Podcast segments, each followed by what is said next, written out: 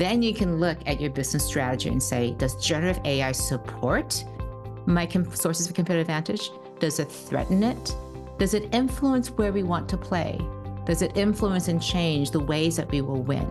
It's taking that strategic approach and saying, hey, we see some big opportunities here of how we can really shore up our competitive advantage.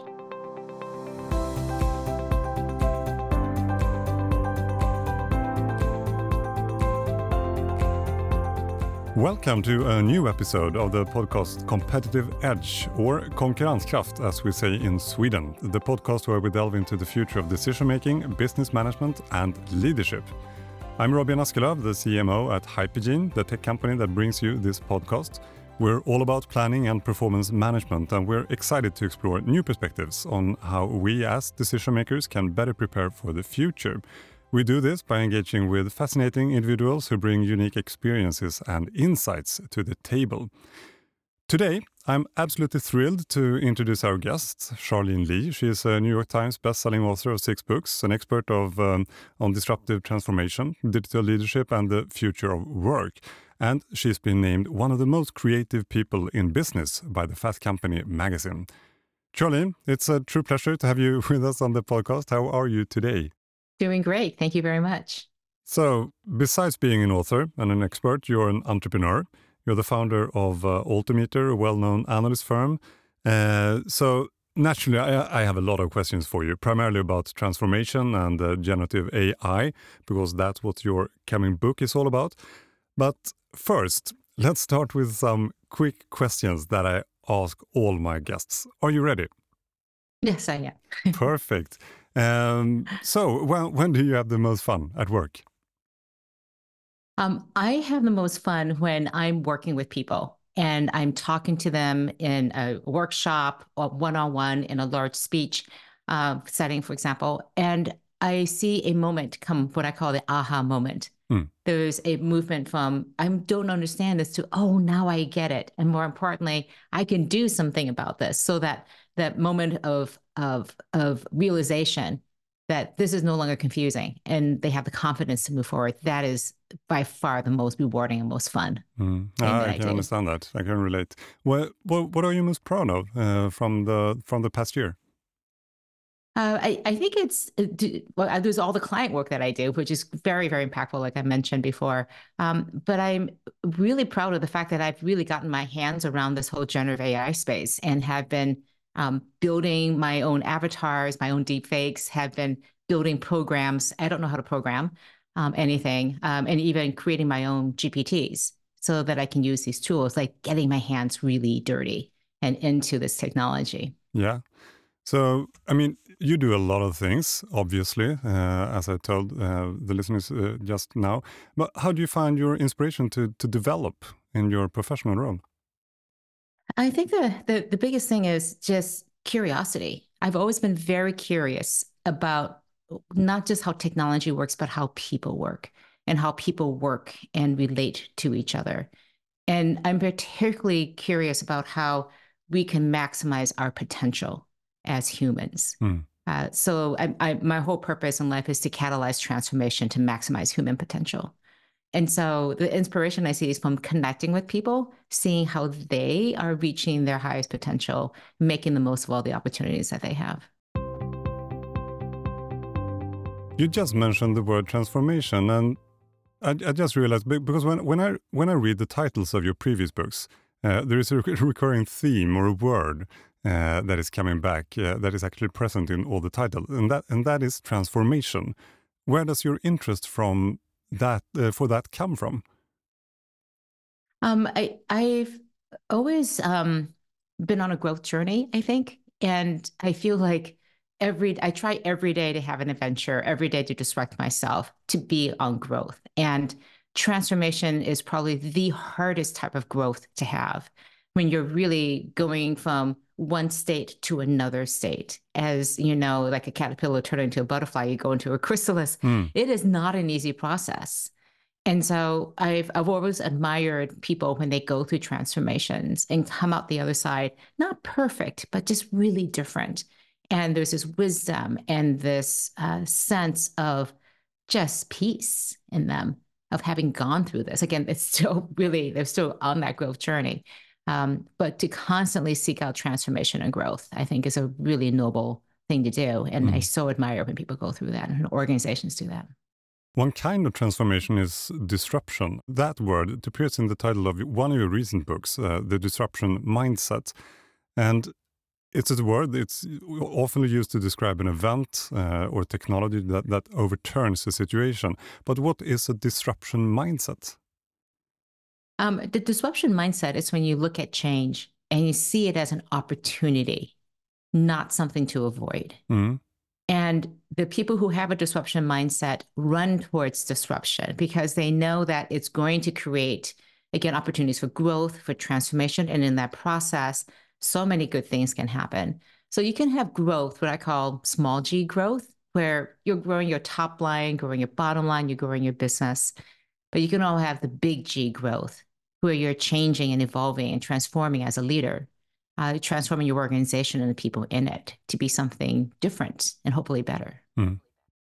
And let, us talk a bit about your latest book. Uh, I know it will be published in, in the early 2024 called Winning with Generative AI, the 19 day blueprint for success, which you co authored with Katia Walsh, uh, today Chief Digital Officer at the Harvard Business School.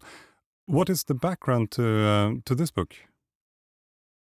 Well, again, I mentioned before that I've been playing with a lot of these tools. And when I first started doing this a year ago, I realized this is going to be hugely transformational for not just organizations and people, but for our society. And, and I've been in the business and technology space for over 30 years. I've never seen anything as transformational as this it, it, it calls into question our existential sense of what does it mean to be human. Mm-hmm. So this is again hugely transformational. And um, so when we talk to people uh, about this technology, they're very much frozen in place because they don't know what's happening. They don't understand the technology. It's changing constantly. It feels like it's the wrong time. It's dangerous to get into it. And my sense is this is one of those things that once you get your hands and your mind around this, you can't let it go. You see the potential behind it, but you have to get into it. Yeah. So this book is about how do you get that? How to get yourself and your organization into generative AI and to craft a very intentional, strategic approach to it. And I know you get this question a lot, but how do you write a book about something that is constantly changing. I mean, the generative AI space, there is something new coming every day, every week, every month. I'm not trying to write about the newest, latest things. I leave that to all the very other capable people who are covering that space. I'm talking about business basics here, business strategy, leadership. Those things are very fixed, very clear. In fact, I start with foundational ideas of what you are trying to be as a company, your purpose, your mission, your values, and your business strategy. That forms the foundation in a fast changing world. So when everything else is changing around here, around you, you have to be extremely clear about what things don't change, but things are going to be constant. Then you can deal with all the uncertainty. Mm-hmm. It's it's the the approach to looking at disruption too as well you build a very, very strong foundation. I, again, I've never seen a poorly run company go through a successful disruption and transformation. Yeah. It's the companies that are already well run, who know who they are, who can then go through the stress of a transformation. And I think it's an interesting perspective. But if you if you want to develop a strategy uh, in generative AI, how do you go about that? Um, I mean, generative AI as a space is evolving and changing, but the strategy is supposed to be, I guess, long term. Uh, what's your thoughts about that? Well, I, I've always believed in having a long term vision of where you want to be. And so that long term vision is not going to change radically from day to day. So that vision is, is, is set. The strategy, which is how you get from today to that future, could change because you run into obstacles, you have competitors, your employees' skills have to change, um, the technology landscape changes. But that means you have to take a different way, a different route. You have to take a detour. Mm. You may have to change your plans, but the vision of where you want to go remains steady. Now, along the way, you may say, You know, we know a lot more about the market than we did three, six months ago, 12 months ago. And now we have greater clarity of what that vision looks like, where we want to be. It's shifted a little, or it has shifted a lot because new opportunities are out there. Mm-hmm.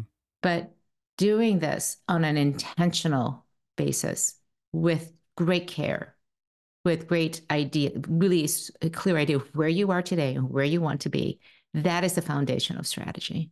I encourage people to use scenario planning. Yeah. Scenario planning says, what could the future look like? And depending on the responses, this is what our strategy should be. Now, in the beginning, you'll say, like, we think this is the most likely path. And we're going to look for signals that confirm or disconfirm that this is the right path. Because you may be looking at these other signals that give you better indications that no, we thought it was path A, it's actually path C. Now we have to shift our strategy because we know what happens if we think path C is actually going to be the case. But you have thought through all the implications and you're not stuck on only one path forever and ever and ever. It's not etched in stone. I like to say that your strategy is written in pencil. Mm-hmm. I, I, like to say that companies and, and, leaders should expect their employees to be able to answer, every, every single employee should be able to answer three questions. Where are we heading? Where is our vision for the future? Who is our future customer? What are their needs? That's the first question. The second question is what is our strategy going to be to get where we are today to where we want to be in the future? And the third and very important question is what are you as an individual in this company doing to make that strategy a success? What is the role that you are playing? So, talking a bit more about the generative AI perspective here, um, I know that you talk about the importance of identifying big bets, uh, as in finding the areas uh, of the business where generative AI can make really big difference for the organization, and then look at what the small steps are to to get there. Could you tell me more about that? Sure. I see a lot of companies developing hundreds of use cases. Like these are all the things we can do. And they're very concerned about risk. They're very concerned about how much it costs. So they look for the easiest wins. Again, this is a traditional way to think about innovation. Go for the easy wins. Make the case that generative AI can be productive for you. And then we'll take the next step, go a little bit bigger. And that's great. That's a great approach if you're looking at enterprise software. And the problem is, most companies are looking at generative AI as a technology instead of thinking about it as a transformational force. Mm. And so, if you can understand the broad outlines of what generative AI can do, and you understand your strategy, and you understand the sources of your competitive advantage, then you can look at your business strategy and say, does generative AI support my com- sources of competitive advantage? Does it threaten it? Does it influence where we want to play? Does it influence and change the ways that we will win? It's taking that strategic approach and saying, hey, we see some big opportunities here of how we can really shore up our competitive advantage. I know one company says, you know, we have make these products and services. They're fairly generic in the in the in this in our industry. We differentiate on customer experience. And so we are going to use generative AI to have the best generative uh, experience, generative AI driven customer mm-hmm, mm-hmm. experience uh, in their call centers, in their responses, in their marketing, in their delivery, in the customer service follow up, all of it is going to be turbocharged with generative AI. Mm. And they put in place that they put started putting these things in place late last spring, like in May, May and June of 2023, before even other companies knew what was going on. Mm. so they're so much further ahead of their competitors in building up that competitive advantage as a result most companies uh, just struggle right now to to basically understand generative AI. They try uh, and see where, where they where they get based on ChatGPT and Bard and, and Midjourney and other kind of tools. Where do you start? I, I think again, going back to your business strategy, but more importantly, centering the people who are on the small team. Um, first of all, make sure they understand how to use these tools. Yeah. And to use it in a deep way uh, it's it's one thing to go to ChatGPT and put in a few things mm-hmm. in there to see how it works. It's another thing when you can bring it into your work yourself and you start changing the way you work. Because when you start doing that, you use it to write your communications. You use it as a thought partner, as somebody you can throw ideas back and forth. Uh, uh, the Coursera, the CEO Coursera recently wrote, uh, created a, a, course for executives, for CEOs, and it's a fantastic course. Okay. So I encourage CEOs and their executives to go take that course because yeah. it teaches you how to use generative AI very personally to influence and be a better executive, better CEO. So when you can experience that, then you can begin to see how your business can be transformed. And before you dive into use cases, I really encourage people to think about what does responsible AI mean? What does it mean to responsibly develop this? And it goes back to your governance, your data practices, all those policies you have in place, and update them with generative AI. Yeah. But it also means having an ethical approach because your values, I guarantee you, will be called into question and you want to use them to help you make some really tough decisions. I um I was working with a client uh, just a week ago, and they were saying we want to tell our company, our clients, that we're using generative AI uh, because we think it produces a better result with less effort. But we're concerned that if we tell them, they're going to want to pay us less. Yeah, because it takes less time and people. So what do we do? Do we tell them or do we not tell them? And my response was, how do your values inform you? about that decision. And so to in order to go fast, you have to go slow first, which is to, to create that ethical framework to say which values really matter the most. And to some degree, also create a prioritization of those values because if privacy and transparency are equally important, which one takes precedence? If cybersecurity is important, maybe cybersecurity is still more, privacy is more important than that. Transparency is more important than that. So how do we use our values? How do we use these frameworks, these guidelines? And you make sure everyone knows what those are. They're being ethical and responsible. So then everyone can go as fast as they can within those guidelines. if you want to go fast, you have to have good brakes. It's a Formula One, Formula One car yeah. race driver thing, right? You can go fast as you want yeah. if you have good brakes. But you, you also need another thing, and that is uh, uh, the right people, because nothing of this will happen if you don't have the right people in the organization.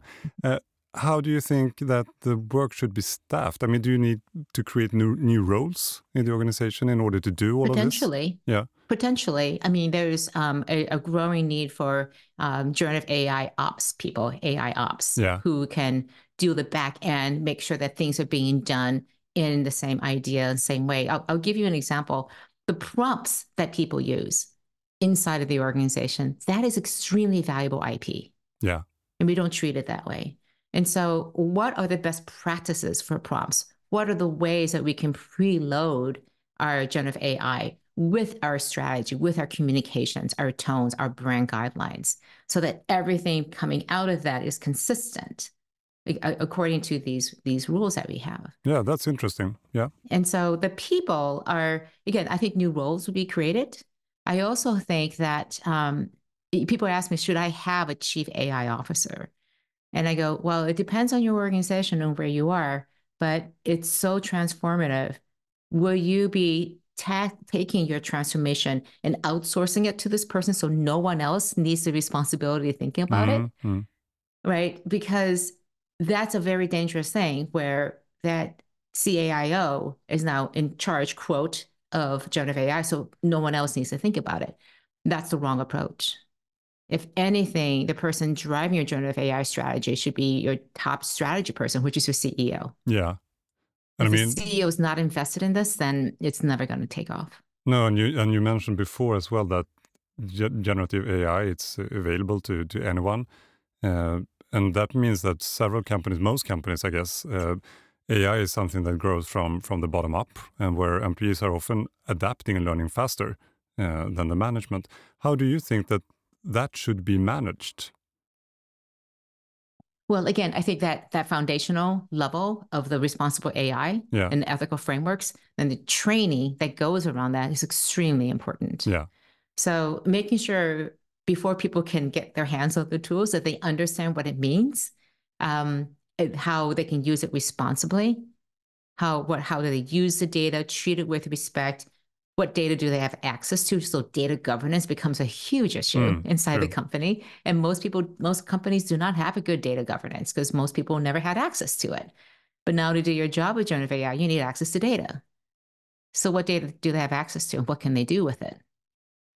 So that those questions become the nitty gritty things that become very important. So I, I think about creating a small team at first. Your very first initial team are your top strategy people, some top business people, your IT people, and HR. Legal and risk do not necessarily need to be on that small team. They need to be informed as you are building up the guidelines. But that small team needs to go really fast to create the rules and they can go even faster. Uh, most teams that I see do not include HR, and you absolutely have to include HR. Yeah, yeah. Because the transformation here is not a technology transformation, it's a people transformation. Um, and then once you identify what the key strategy points are, you start bringing in the people who are going to be most impacted by the department heads, um, the, the people who are going to have to implement this. So you can check on feasibility, and then you create your AI council that can will be the governance of making sure that this gets um, understood, the strategy is is complete and robust, and also in charge of that implementation, the execution of this.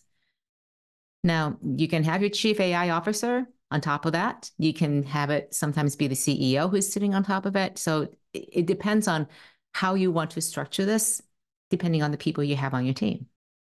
You have the leadership perspective uh, in this as well. I saw a video where you talked about uh, superhumans, employees uh, who, with the help of AI, suddenly have the ability to do things that they, they couldn't do before. What are the leadership challenges based on this? Well, if you think about a leader, you usually get promoted because you know how to do the job better than anyone else. Yeah. So people can come to you for all the answers.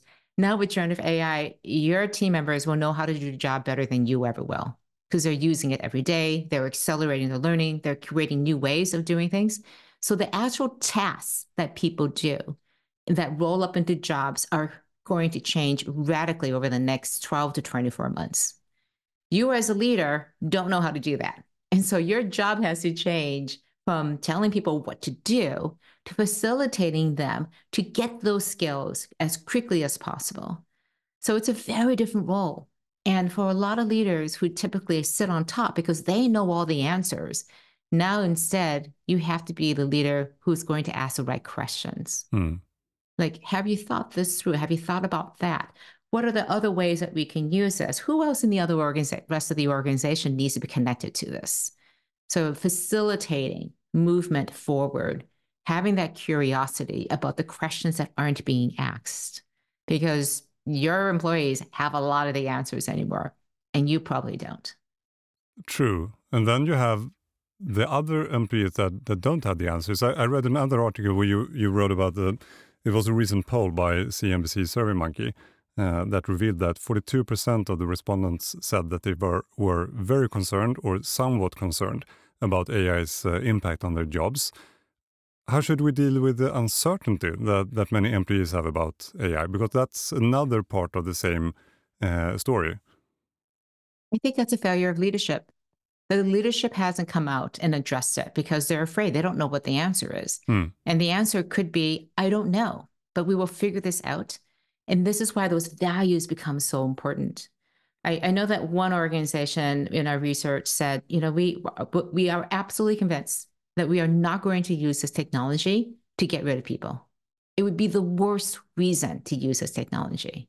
We believe that we can reduce the tedious tasks, make work more enjoyable, and, and give people a, to a higher level of quality and production and so, yes, we may need more, fewer people to do that particular task and job because we can just be more efficient in it. Yeah. But we can turn those people now to address the gazillion customer issues, all the problems, all the needs that we have never been able to because we didn't have the people, time, and money to do it. Now we do. So we're going to take all that excess capacity and create new products, new opportunities. Um, and we'll upskill. We have a commitment to upskill you and if needed, reskill you. Hmm. And this particular company said throughout COVID, we didn't let a single person go. We made a commitment to people that we would tough it out. We believed that we had enough cash, and if needed, we would all sacrifice so that we could keep our people together. and they didn't have that much work. So they guess guess what they did in IT? They cleaned up all their data, yeah. which is fantastic for them now because they have this really clean data that they can use for the generative AI efforts. And so they can point to, we didn't let a single person go in COVID. Why would we ever let you go now because of generative AI? So in that company, people are not worried about their jobs. They're excited about generative AI. They can see the possibilities. And that is the this is the the crisis in leadership we have right now. People don't know where they stand. They feel very disrupted, and that's why we feel disrupted because we don't know where we stand. We knew the world as it was. We don't know where we're going, so we feel disrupted. Yeah. Companies that do a good job of disruption tear you away from that place where you of comfort where you were before, but you're excited about being in disruption, and that's because they have confidence that no matter what happens, they are going to be okay. The company is going to be okay. But but I'm just curious. We are in the beginning of 2024. I know your book is coming out soon. Uh, what AI news do you think that we will see in the coming year? I'm very excited about the AI agents. Um, people have talked about uh, the AI becoming much more capable, completing tasks on your behalf. And there are two things that need to happen. First of all, we have to, and very importantly, we have to trust it. We have to trust that this agent will work on our behalf, will do things the right way, and um, they, they won't mess up. Hmm. So th- there is a long ways we can go to doing that. So even just telling my agent, go get me tickets uh, for upcoming trip. Well, it's not just getting tickets. They have to know all my preferences. So it's not just that I trust it, but I trust it with my data because it can learn from if the AI asks, well, will you share all of your past uh, trips with me so I can understand the patterns for them? They're going to ask me lots of questions like a travel agent would. Which aisle do you like to sit in an aisle there? What are your preferences? And it'll check in with me to get my confidence um, and my trust. Well, it, it looks like you have this conflict. Do you want this or that? You know, here's another way you can optimize things. So, how much do I trust it to actually deliver? And how much do I trust it with the data? Mm-hmm. That's very close to me and very private. Mm, that's interesting so, perspective. Do, yeah. you, do you think we'll see those agents uh, during 24? Yes, absolutely. I, am um, I, have been working with some groups on developing events around AI agents. I'm judging a hackathon okay. later this month on uh, at AI, AI agents. I just went to another hackathon I was judging. So there's a lot of activity there. But I think the main areas where you will see them come out, Microsoft has a co-pilot already. Yeah. Uh, but I think so. I think they have a good chance of developing better agents because we trust them a lot. But the two organizations that have our most data are Google and Apple. And Apple in particular has been very, very quiet. True. So my my thinking is that later this year we're going to see Apple unveil its new Siri. It'll be a very powerful agent. And because of its strong stance on privacy, we're going to trust Apple with our data. What what are we what are we doing on our calendars? Mm. What are hmm. we doing with our email? Mm. Uh, what is the music that we listen to? The shows that we watch? And these are these big juggernauts are the people I think in the end we're going to trust, even though fundamentally we don't quite trust them. We do because we use them every day. Uh, and I, I, am looking forward to Apple unveiling an agent store, a generative AI agent store of these apps that will actually do work for you. Um, unlike the Chat GPT store, which is anybody can post anything on there. Yeah. I think the store is going to be an agent store has to be strongly vetted, very carefully checked and Apple has the resources and the commitment to quality to do that. Interesting. Uh, Charlene, before we end, I ask all guests uh, about their summarized and condensed thoughts on the future, uh, focusing on decision making, business management, and leadership. From, from your perspective, uh, what would you say is a success factor for future decision making? I think, again, having clear ways of how you make decisions you know what is the process? What do you take in consideration? What's most important? What's secondary? What are the trade-offs you have to make? Uh, it, I'm, I'm very focused on how do we make wiser decisions. It was a book i was working on before generative ai came along was was how do we become wise leaders who can make really good decisions? And it's having frameworks values, experience, and that it's shared across the organization so that you can make decisions not only well, but also quickly. There's less, you know, everyone goes, okay, what is the situation? This is what our decision making process makes. Okay, let's go. But that requires a very strong understanding of your values. So, values led, purpose led organizations are great not because they're future focused, but because they enable execution every single day for success. Interesting. What, what is the key to future planning and the business management? I, I think, again, just simply thinking about the future and feeling comfortable knowing that I can make a decision that this is what the future is going to look like. Most people hate doing that. They, they're comfortable making a one year budget and plan. Yeah. That is not a strategic planning process. That is a budgeting process. And as you get closer to the end of the 12 months, you have less and less runway. Yeah, yeah. So future planning means that you as a leader have, have to put down a flag, put down a stake and stand on something and say, this is what the future is going to be. The problem is leaders hate being wrong. And so the future planning requires that you sometimes have to backtrack because the way you saw the future wasn't the way it's developing. So are you willing do you have the character and the resilience to say, we're going in a different direction? This is why. I was wrong in taking us in this direction because of the decisions that we had at that point. Now we have better information. We're going to shift direction.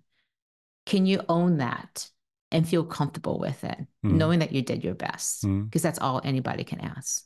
And, and that's actually so, a good segue to the last question about the, the key to future leadership, because I, I guess this is a part of it.